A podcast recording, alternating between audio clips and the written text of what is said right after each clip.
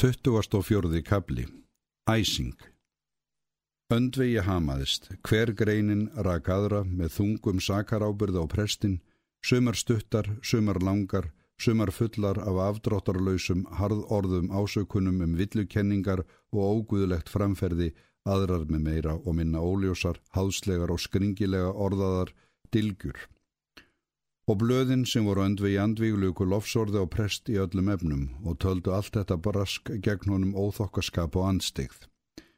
Æsingin fór um bæin eins og yllviðri. Hún þyrrlaðist inn í hverja búð, hverja skrifstofu, hverja vinnustofu, hvert skóla, hvert heimili. Hún varð mönnum samferð á götunum, allstaðar var máli rætt og oftast á ákefð og ofsa. Engin hefði hugmyndum hvernig þetta mál myndi fara. Menn vissu að Þorbjörn var ötulastur og kappsmestur æsingamæður í bænum þegar hann lagði sig í framkróka og menn vissu að hann mátti sín meira en nokkur annar einstakur maður en menn vissu jafnframt að fylgisvonir hans höfða einhverju leiti brugðist. Engin vissi að hver miklu leiti. Honum hafði ekki tekist að gera þetta mál að eindregnu alþýðumáli eins og hann hafði ætlað sér.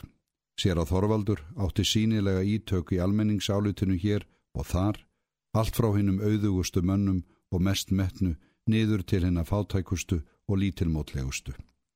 Engin vissi hvað mikil eða lítil þau ítök voru, því að menn hans vandaði alla fórustu. Vinir sér að Þorvald sögðu sagt honum að hann er það sapna liði, kanna það og koma skipulagi á það. Hann hafði afsagt það með öllu og engin léttur því verða að beitast fyrir þeirri liðinni. Þetta fórustuleysi þóttu horfa augvænlega fyrir presti og ekki bætti það úr skák þegar það fréttist að Yngibjörg Vatskerling væri tekin að sapna liði fyrir Þorbjörn. Ekki vegna þess að nokkurum kemi til hugar að mjög mikið munaðum hana, en orð hafði farið að því að presti hefði verið tíðkvæmt til grímsa og að hann myndi hafa reynst honum vel. Nú þóttust ímsir sjá að þetta hefði ekki verið annað en skrum og lígi eins og sögurnar um önnur góðverk pressins auðvitað. Allt saman lígi. Það var gamla sagan að ekki mátti trúa nokkuru orði sem sagt var í þessum bæ. Og menn fyltust heilagri vandlæting út af þeim legasögum sem borðnar voru út um Reykjavík mönnum til sóma. Þessi vandlæting jók æsinguna að miklu mun. Þegar einhver tók að mæla sér á Þorvaldi bót með sögum um það hver líksamur og hjálpfús hann hefði verið smælingunum, þá gátt nú, eftir að fregnin um Yngibjörgu var komin af stað, áallt einhverjir orði fljóti til svars og sagt allt saman lígi. Og til þess að gefa þessum orðum frekari áherslu, smeltu þeir með fingurunum út í loftið eða börðu í borðið, eða snýttu sér gríðarlega eða lit og sögumann með brosandi sigurfagnaði. En sögumenn kunnu ítla svo afdráttarlausum rengingum. Þeir spurðu hina hvernig þeir vissu að þetta væri allt saman lígi. Hinn sögðu að það kem ekkert málinu við, þeir bara vissu það. Sögumenn sögðu að þeir vissu það ekki og hinn sögðu að ekki væri til neins að koma með neitt prestaskurum til sín. Þeir væru engir prestadindlar og þeim stæði alveg á samum alla presta og allar prestafrillur. Það mætti allt saman fara til helvítis fyrir sér. Og sögumenn sögðust ekki heldur vera neynir prestadindlar, en því síður vildu þeir vera neynir mannorðsþjóvar. Og hinnir sögðu að ef sögumenn ætluð að fara að koma með nokkur íllirði eða aðdróttanir hér, þá kynna verða einhver vegur til þess að láta þá út eða skýra þá upp úr einhverjum forarpollinum. Og æsingin læsti sig um hugi mannana og vonskan tútnað út, en engum forvitnin samt. Hvað skildi Þorbjörn segja á fundinum? Og hverjir skildu tala fleiri frá hans hlið?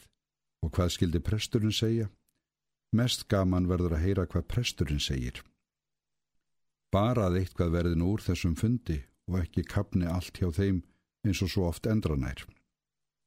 Eða þeir geti sig einhvern veginn saman, það verður nú alveg rétt eftir þeim. En hámarkinu náði æsingin þegar fólk var að flikja stöðtanum auglýsingar og strætunum hér og þar. Sapnaðarstjórnin auglýsti sangkvæmt áskorunum frá miklum fjölda sapnaðarmanna, sapnaðarfund á tilteknum stað og ákveðinu stund til þess að ræða samband domkirkjupressins við söfnuð sinn. Þess var látið getið að öllum fermdum sapnaðarmönnum, konum jæmt sem körlum, væri ætlaður atkvæði sér eftir á þessum fundi. Ragnhildi var gengið fram hjá mannþyrpingunni utanum eina auglýsinguna. Þyrpingin var svo stór að Ragnhildur gæti ekki séð hvað auglýst var. En tveir litlir drengir stóðu utan við þröngina. Ragnhildur heyrði annan þeirra segja í halvum hljóðum. Á að tala um hana Sigurlaugu á þessum fundi.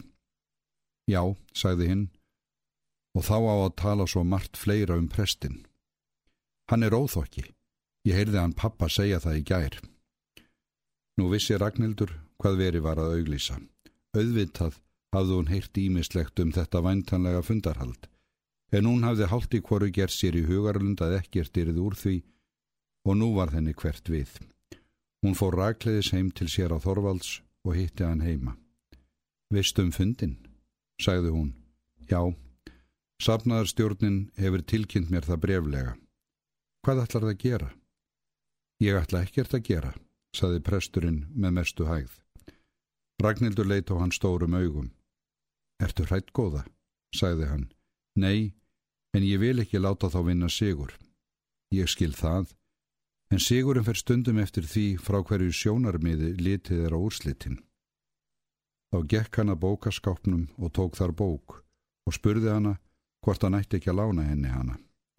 Hún sá að honum fjell ítla að tala um málið og henni hægðist um stund við það hver rólegur hann var og hver málrómur hans var þýður. Þá varð hún þess vör hver þreytusvipurinn hafði aukist á andlitun á honum. Hefur það haft andvökur, spurði hún. Ég hugsa stundum á nóttinni, svaraði hann og brosti við. Hún spurði hvort hann ætti anrikt, eða hún ætti að sitja hjá hannum.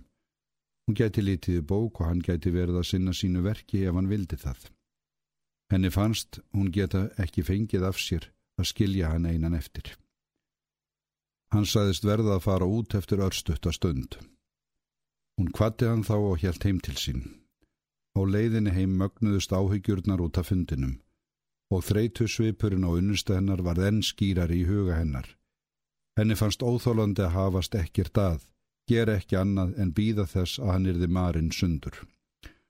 Hún fann móður sínað máli, bað hann að koma með sér til föður síns og tala um þetta við hann. Maðgurnar fór inn í skrifstofuna til yfirdómara og spurði hann hvort hann vissi af fundinum. Já, yfirdómari viss af honum. Nú verður þú að hjálpa eitthvað, elsku vinur, sagði frúin. Hvað ætlastu til að ég geri? spurði yfirdómari. Þú hefur betur vita því en ég, meldi frúin. Ég veit ekki hvort nokkur hefur mannrænu í sér til þess að sinna þessu neitt, aðrir en mótstöðum en pressins, og það væri okkur mikil skömmur reikvikingum. Verst er að þetta er líklegast orðið á seint.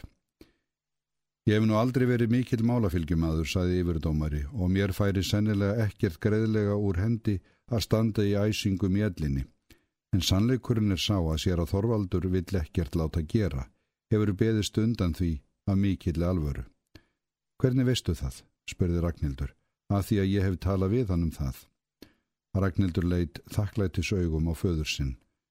Það verður að hjálpa hann um samt, sagði hún. Yfirdómari leitt á hann nokkuð snögt. Stendur þér ekki á samum þetta, Ragnhildur? sagði hann.